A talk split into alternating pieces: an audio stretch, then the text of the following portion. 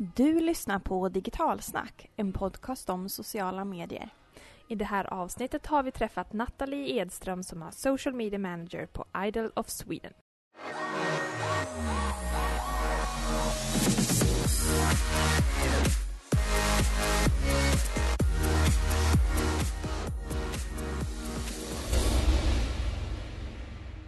Välkommen till Digitalsnack, podden som intervjuar de mest intressanta personerna inom sociala medier.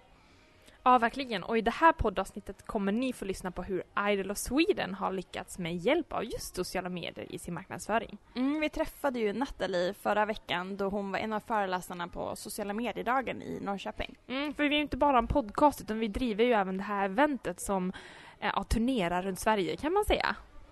Mm, och sociala mediedagen var ju en idé som jag hade egentligen förra året som jag pitchade till Tina som har gästpoddat i den här podden kring och eh, diggar det här med LinkedIn. Eh, så jag pitchade den till henne och hon sa det här måste vi ju verkligen göra. Och den kom, grundar sig egentligen i idén om att varför ska man behöva åka till Stockholm, Göteborg och Malmö för att kunna ta del av de senaste liksom, tips och tricksen um, när det kommer till sociala medier. Man kan ju lyssna på den här podden, men jag tänker det är ganska trevligt att träffas också Mm. i köttvärlden, som vi kallar det. En underbar idé. Och nästa gång så kommer vi ju faktiskt vara i staden där Digitalsnack grundades en gång i tiden. Sola! Ja, och där du bor. Så mars 2019, sätt det i kalendern för då kommer vi vara i Karlstad. Mm, och en annan kul grej med Karlstad, det är ju att vi har blivit nominerade till Årets stjärnföretagare 2018. Så coolt. Så kul! Och den här fina nomineringen är till företag som vågar tänka lite annorlunda, göra saker på eget sätt. Alltså entreprenörer som vågar gå sin egen väg helt enkelt. Mm, och det här är ju väldigt hedrande såklart för att det är ju vårt största varför vi startade den här podden och våran byrå. Det var ju att vi ville förändra branschen med liksom konkreta och lätta tips och verktyg eh, för att just lyckas med sociala medier. Sen är ju vi lite annorlunda än andra företag. Vi har ju inget fast kontor till exempel, inga fasta arbetstider. Man får liksom Mm. jobba vart man vill så länge man har uppkoppling. Det är typ det viktigaste som finns i våran digitalsnackvärld. Ehm, och sen jobbar vi ju allt i molnet så att eh, Så Ja. smidigt och underbart. Och om ni också då tycker att vi är ett stjärnföretag eller om ni älskar vår podd lite extra så skulle vi bli superglada om ni eh, gick in och röstade på oss i eh, den här nomineringen. Och länk hittar ni givetvis eh, på blogg på digitalsnack.se. ja, precis i det här inlägget som handlar om den här podden med Idol of Sweden kan vi säga.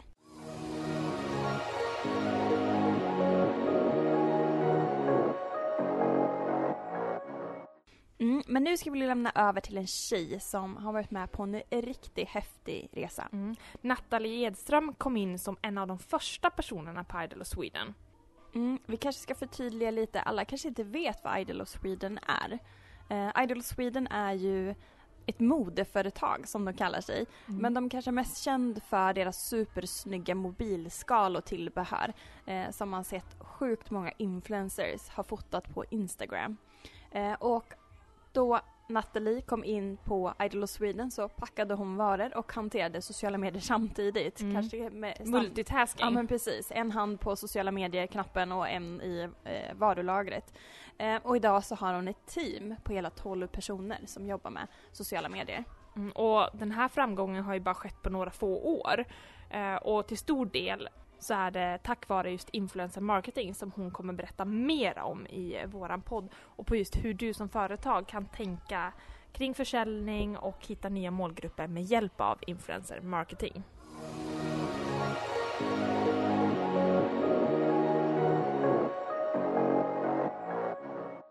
Det känns ju så underbart. Idag sitter jag här med Nathalie Edström som är social media manager på Idol of Sweden. Och vilken fantastisk ära att få ha dig här. Jag har ju sett era mobilskal överallt på sociala medier. Så kul att du kunde delta i våran podd. Tusen tack, det är en ära att få vara här hos er idag. Vad roligt. Och lite pirrigt för att jag aldrig varit med i en podd innan. Ja, just det. Det är din första. Det Mm. känns ju helt fantastiskt. Mm. Eh, kan inte du berätta lite kort vem du är till en Ja. början? För de som inte vet. Absolut. Nathalie heter jag då. Många säger Nathalie men eh, jag säger Nathalie. Nathalie, Och jag är detta. s- eh, 26 år gammal och eh, har bott i Norrköping hela mitt liv. Eh, är ju social media manager på Agile of Sweden idag. Innan dess har jag studerat internationell försäljning och marknadsföring i Stockholm. Mm. Och innan dess har jag varit en sväng på Telia. Och jag har också varit utbildad makeupartist och haft eget företag inom det. Oh, det var en ganska mix av olika saker. Ja, precis. Ehm, Hur hamnade du på Idol of Sweden då? jo, det var det så här. Jag hade faktiskt praktik på NTM-byrån här i stan. Eh, och då var Vad gör det de? en- För de som inte vet. jobbar med ja, men det är både digitalt, eh, sociala medier och också vanliga eh, tidningar. Mm. Eh, och då var det en tjej där på min praktikplats som sa att det låg ute en annons. Agile of Sweden sökte en social media manager och hon sa att den här rollen skulle passa dig perfekt. Eh, och jag hade aldrig hört talas om företaget men kände så här, gud den här annonsen den tilltalar verkligen mig. Eh, så jag sökte. Eh, och sen blev jag kallad på intervju. Gick på intervju eh, och var egentligen inte alls speciellt förberedd utan gick in där bara med ja, en vilja och ett engagemang och så här, det här, jag passar för den här rollen. Eh, och Joakim då, eh, våran VD, han hade världens pokerface under hela intervjun och jag trodde absolut inte att jag skulle få den här tjänsten. Jag var så nervös. Sen fick jag ett samtal efter några dagar eh, när jag satt och jobbade på Telia då. Och han sa att eh, du var grym, egentligen så skulle vi tagit dig på en andra intervju men vi kände att det kändes så rätt så du får den här rollen direkt. Och jag började gråta och blev, Grymt blev så glad. Så att eh, ja, det var verkligen meningen kändes det som. Och det här var... Det här var eh, ja, men två och ett halvt år sedan ungefär. Ja. Så Hur jag många började var ni då? Då var vi fyra stycken, Och idag är ni 65. Sjuk resa. Ja, hur, har, verkligen. hur har den skett?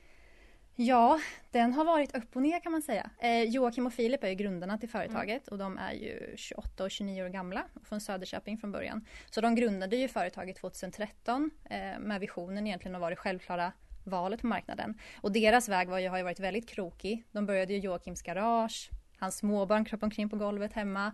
Alla viktiga samtal fick de ta i bastun. Eh, de var nära att gå i konkurs. Ja. Det var kaos helt enkelt. Eh, så det har inte varit en enkel resa sedan dess. Eh, men det blev väldigt bra till sist. Ja, obviously. Ni, ni syns och, och finns där ute på ett väldigt, väldigt bra eh, sätt. Mm. Och jag kom ju in då april 2016 och då var det Joakim och Filip. Det var en kille på lagret och en kille inom ekonomi som jobbade.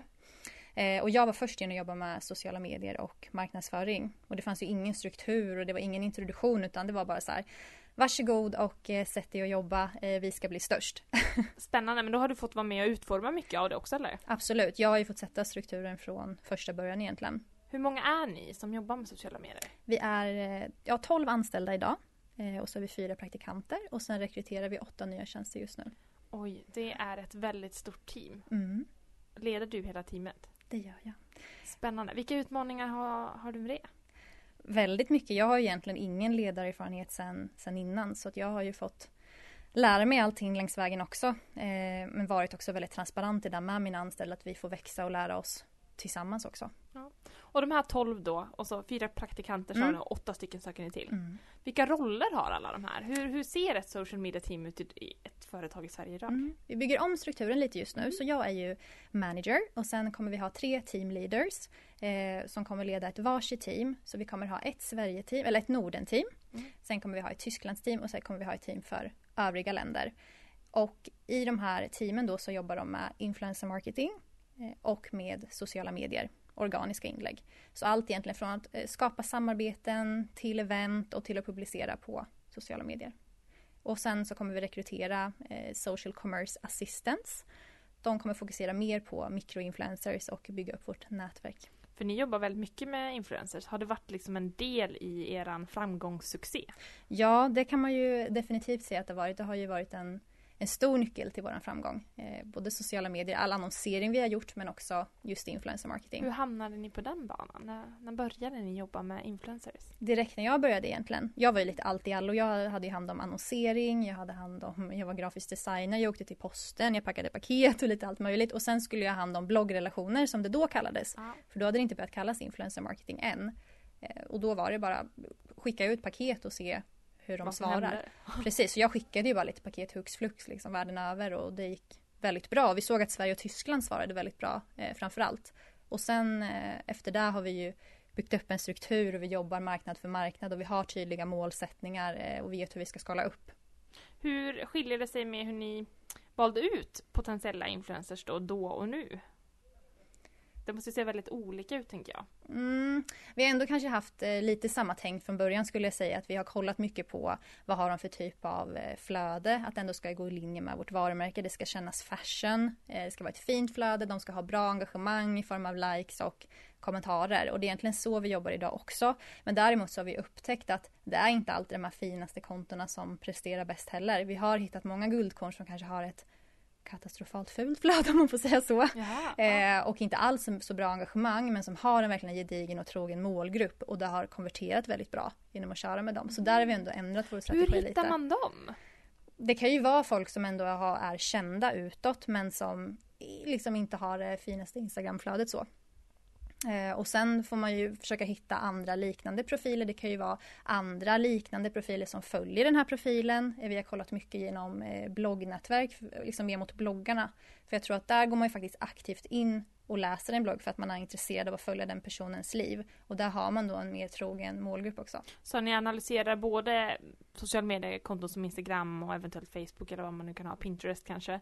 Mm. och sen även bloggflödet ja, som de har. Precis. Vad är det viktigaste när ni går igenom dem? Tycker ni? Vad vi kollar på hos profilerna ja, tänker du? Ja, blogg och Instagram och så mm. Ja, men Instagram återigen, då, det är ju vi kollar på vad de har för typ av flöde, vad har de för engagemang. Vi vill ju kunna känna att vi kan stå bakom den här profilen som vi faktiskt jobbar med, att de ska gå i linje med företagets profil. Eh, och när vi kollar på bloggen så är det också egentligen, har de, vad har de för engagemang? Är det folk som kommenterar och är eh, uppdaterade och intresserade av deras liv? Och också att de ändå har ett ett innehåll som går i linje med oss som företag. Mm. Har ni, eh, jag tänker att ni har ju hunnit jobba med så många olika influencers. Ni har säkert tagit massa lärdomar mm. också, både positiva och dåliga. Kan mm. du vad, vad, ska man göra? Vad ska man undvika? Ja, precis. Det finns en del. Men jag får ju skala ner det lite här. Eh, men om vi kör dos då, så ja. skulle jag säga att ha tydliga eh, målsättningar och en tydlig uppföljning. För det hade ju inte jag från början. Hur kan en målsättning se ut då? Vi har ju till exempel som mål att eh, dra in en fjärdedel av vår totala omsättning på vår e-handel, vilket är en väldigt stor del. Eh, om vi tänker att vi ska omsätta 400 miljoner i år som Oj, företag. Ja. Så det är en väldigt stor del och vi kan ju mäta det här tack vare att vi har rabattkoder och vi har adlinks ute. Mm. Eh, sen är det här långt ifrån hela sanningen också. Det här är ju ringa på vattnet så det är inte allt vi kan mäta heller.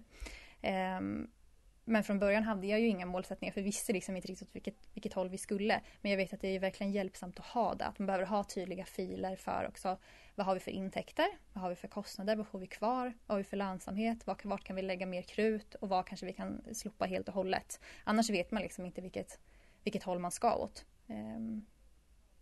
Har ni flera dos?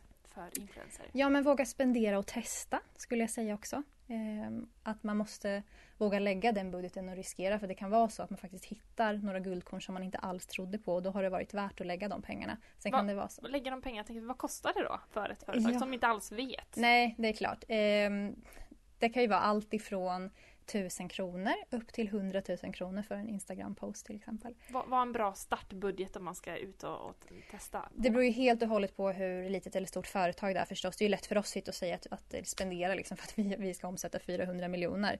Men när vi precis hade börjat då kanske vi eh, testade lite olika profiler runt 5000 kronor per profil mm. till exempel. Sen så behöver inte alla samarbeten vara betalda heller. Det här är ju mer de större profilerna. Där man kan göra som vi också gör är ju att erbjuda alla provision för då är också, går vi in med en låg risk och det krävs också en motprestation från mm. deras sida. Smart. Sen kan man också bara skicka ut produkter och hoppas på det bästa. Eh, men det är också lite naivt att göra, speciellt till de här större. De kommer inte lägga upp en bild på en produkt. Eh, bara de får sådär, säkert liksom. jättemycket produkter skickade till sig. Exakt, då ja. måste man ha en riktigt outstanding produkt i så fall. Mm. Och vad ska man inte göra? Mm. Vad ska man inte göra? Eh, jag skulle säga att man inte ska gå på de största profilerna direkt. För många tror säkert så här, men nu går jag på den här största profilen i Sverige här och så lägger jag 100 000 och sen så det kommer sälja hur bra som helst. Vi får världens räckvidd. Men det kommer det inte ge. Eh, för att man måste bygga upp sitt brand först och ha fått någon slags varumärkeskännedom innan man faktiskt kan lägga de här pengarna. Så att eh, det är en grej. Eh, och sen skulle jag säga att man inte ska ge upp för tidigt. Jag tror att många kanske testar och skickar ut massa produkter. Man ser att det inte ger någonting och så tänker man att ah, men det här var influencer marketing var ingenting för oss. Det kan Hur lång ta... tid kan det dröja innan man börjar märka av en effekt? Alltså för oss gick det ganska snabbt, eh, i alla fall i Sverige och Tyskland. Det var, tog, tog ju bara några månader egentligen. Men sen märker man också att det har gett mer och mer försäljning månad efter månad också för att vi har synts mer hos andra profiler. Men går man in, har vi gått in på en ny marknad så kanske det ändå tar ett halvår innan vi börjar se någon typ av effekt. För då jobbar vi först med mikroinfluencers, ösa ut produkter, försöka bygga ett brand och sen kanske gå på de här lite större profilerna och det är då man också börjar se någon slags avkastning. Häftigt. Mm. Um, vilka kanaler finns ni i idag? Vi finns på Instagram, det är vår största kanal. Instagram story. Sen har vi Facebook, vi har LinkedIn, vi har ett magasin på vår hemsida. Um, nyhetsbrev har vi också. Mm. Mm. Är det en bra konverteringskälla? Um, jag har inte full koll på den nu för jag sitter inte med den själv men absolut det konverterar en del, det gör det.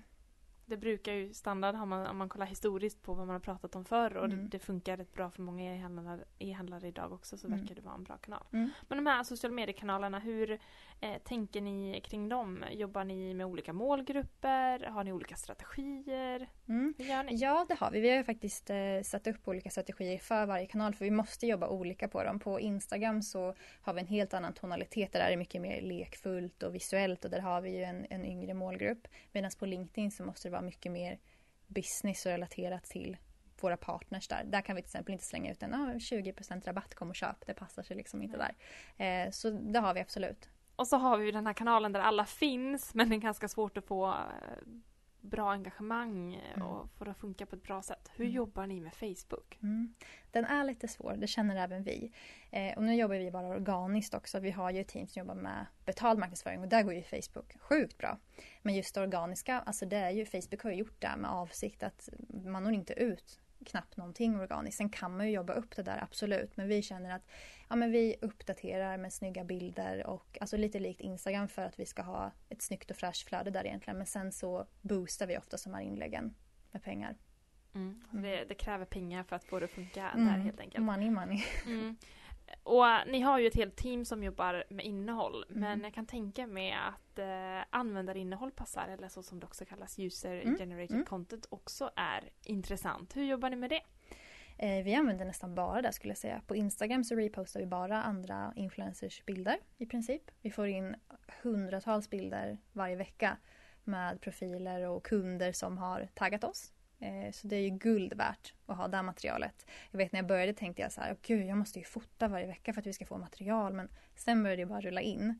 Eh, sen så eh, fotar vi en hel del själva också. Till när vi lanserar nya produkter så har vi stora plåtningar. Men där materialet blir lite mer reklamigt om man säger så det mm. passar sig bättre i nyhetsbrev och i betald annonsering. Hur gör ni när ni får in eh, andra användares bilder? Frågar ni lov eller delar ni ut dem med en tagg eller hur, hur gör ni? När vi repostar dem så taggar vi dem ju alltid. Det måste vi göra och de flesta uppskattar det. Det är egentligen ingen som har blivit sur över att vi använder den utan att be om lov. Eh, däremot om vi skulle använda någon i betald marknadsföring så måste vi alltid fråga. Där får vi inte göra utan tillåtelse. Ja, perfekt. Hur ofta postar ni i de här olika kanalerna då? Om vi börjar med Instagram som verkar vara en väldigt stor kanal för er. Mm. Där postar vi tre gånger per dag och det är egentligen för att också vi vill anpassa till de olika tidszonerna. Vi har ju några som bor i Australien eller USA och de har en helt annan tidszon. Så om vi postar 8 till 5 här i Sverige så blir det helt andra tider för dem. Så därför så har vi det utspritt under dagen. Eh, Insta-story har vi tre gånger i veckan. För där har vi märkt att om vi uppdaterar mycket mer ofta så tappar vi engagemanget där.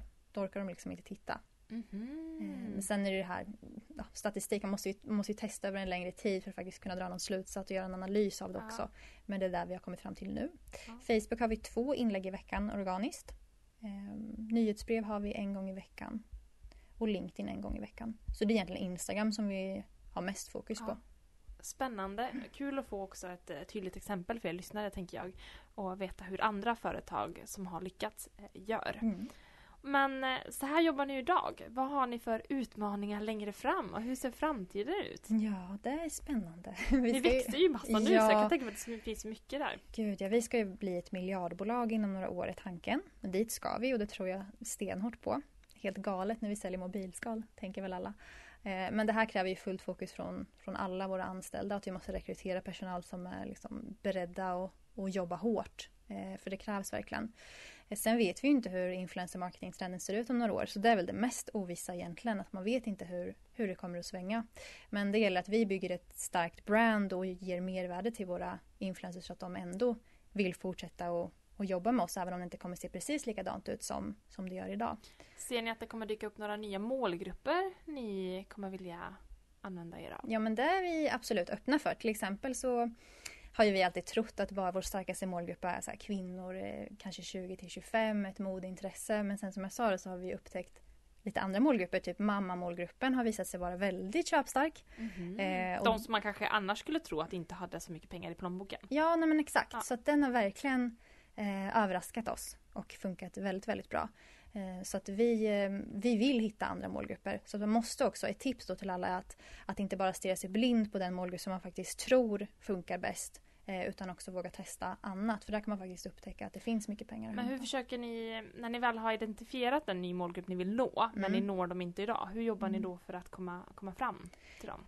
Hitta fler liknande profiler. Nu pratar jag främst inom influencer marketing då. Eh, vi har till exempel kört med Laila Bagge som ett exempel som går väldigt, väldigt bra.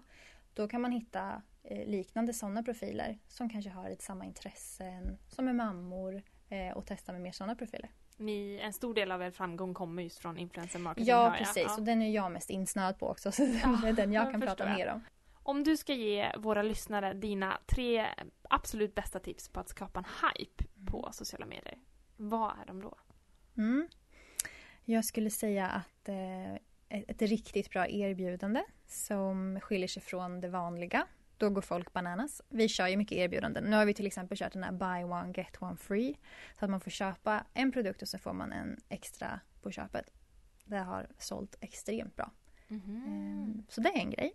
Eh, och sen skulle jag säga att man kommunicerar ut ett budskap som är som mer kreativt eller annorlunda utformat än vanligt. Och ett exempel på det är till exempel när vi har eh, annonserat för Ideal Glass, det här skyddsglaset man har mm. på sin skärm. Eh, så har vi gjort en video där det är en som står och slår med en hammare på det här glaset för att visa liksom hur hur pass starkt det är. Och det har verkligen fått viral spridning. Eh, och folk har liksom eh, taggat varandra i det. Och, ja, den har gått jättebra på Facebook. Oh, vad spännande. så tänka ja. lite mer outside the box som man så klyschigt brukar säga. eh, och sen ja, men också våra bilder med, med våra skal och med freak shakes. Sådana här milkshakes ni vet mm. med. Ja, de har också fått jättebra spridning. Eh, för att det är någonting annorlunda. Det behöver inte alltid bara vara kopplat till ens produkt. Har ni hoppat på en trend så. som eh, ja. finns på Instagram och Exakt. sociala medier? Ja. Och sen eh, slutligen att överraska med någonting. När vi, har, vi har ju väldigt mycket event.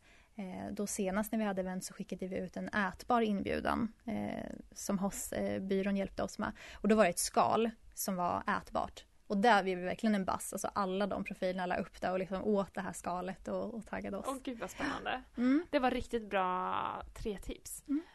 Det har varit eh, så intressant att få en liten insyn eh, hur det fungerar hos er och vad som har fått det att lyckas hos er. Men jag tänker inte släppa iväg dig riktigt än. Mm. För jag tänkte ge Micke vidare till Cecilia som kommer ställa några frågor som våra följare har ställt till dig.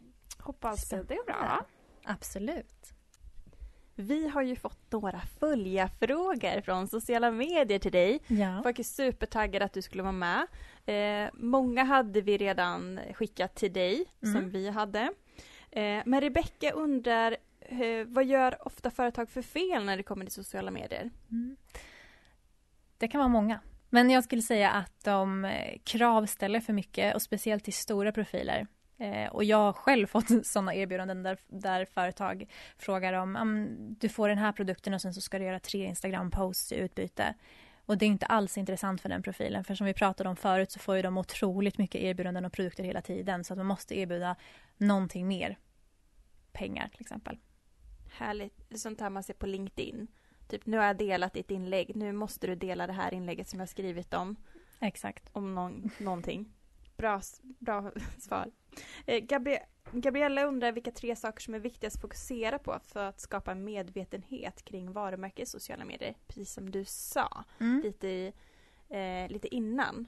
Eh, kring att skapa den här lilla hypen i början innan man går på de stora influencers. Mm. Men jag skulle nog säga att eh, de tre viktigaste sakerna är att ställa sig själva vad, hur och varför. Att man har en tydlig varumärkesprofil. Vad står företaget för? Hur vill vi förmedla vår kommunikation och hur vill vi uppfattas så att det känns enhetligt i ens kanaler? Eh, och också ha ett syfte och mål. Varför finns vi på den här kanalen och vad vill vi få ut av den? Vill vi sälja? Är det branding? Eh, är det information vi vill delge? Och där har vi byggt upp en strategi för våra olika sociala mediekanaler. Eh, och också hur ofta ska vi uppdatera och med vad? Mm. Stort tack till Rebecca och Gabriella för de frågorna och stort tack till dig att du var med i Digitalsnackpodden. Tack så mycket.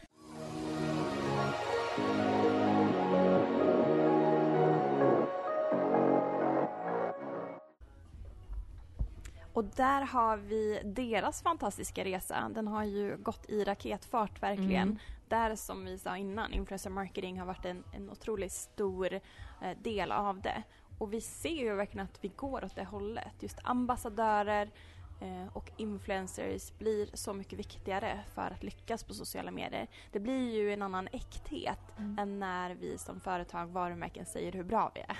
mm. Och vi märker en större efterfrågan också bland våra kunder och eh, på sociala medier att man är mer intresserad av att veta just mer om influencer marketing. Och vi kanske borde göra till poddavsnitt. Jag tänker det här är ju en resa som någon har gjort, men hur ska man tänka för att skatteregler och annonsmärkning och allt sånt här tråkigt också så att man gör det på säkra sidan. Det som kan, vara... akt så viktigt ja. tänker jag.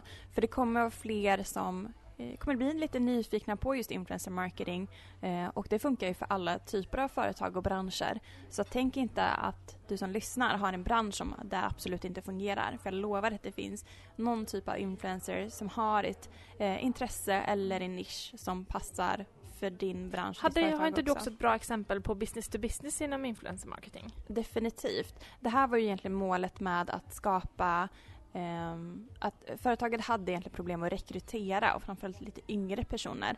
Uh, och då tog man hjälp av en, en Youtube-kanal där två killar åkte runt och testade jobb. Och då fick de också testa jobb på det här företaget. Och det nådde ju en jättestor publik. Jag tror att den hade um, över um, 20 000 visningar på Youtube, just det här avsnittet. Uh, där jättemånga unga kommenterade jättepositivt uh, kring det här arbetet och jobbet. Uh, det blir liksom en annan hype kring det när någon annan i deras ålderskategori och har en etablerad kanal berättar eh, om det här som kanske inte är så himla intressant annars att mm. söka upp. Så det blir så, en jättebra grej. Eh, ni lyssnare, oavsett om det är business to business eller business to consumer ni driver så kan ju faktiskt influencer marketing vara något för er. Absolut, och vi finns här och guidar er om ni är nyfikna på det och behöver lite råd och tips på vägen. Stort tack för att ni har lyssnat på våran podd den här gången. Alltid lika kul när ni lyssnar och framförallt när ni skriver i våra flöden om något av våra avsnitt. Mm, och vi närmar oss det här årets slut och vi kommer behöva fler inspiration. Vad vill vad vill ni höra på i Digitalsnackpodden nästa år? Snälla skicka in era tips på. Det kan allt vara en, som en företagsresa som det här som jag presenterade i det här avsnittet. Men det kan också vara en viss kanal som ni är intresserade av att veta mer. Eller som det här med skatteregler med influencer marketing. Det finns ganska brett eh, många olika ämnen att prata kring sociala medier. Så tveka inte att slänga iväg eran, era tips. Tack, Tack och hej! hej.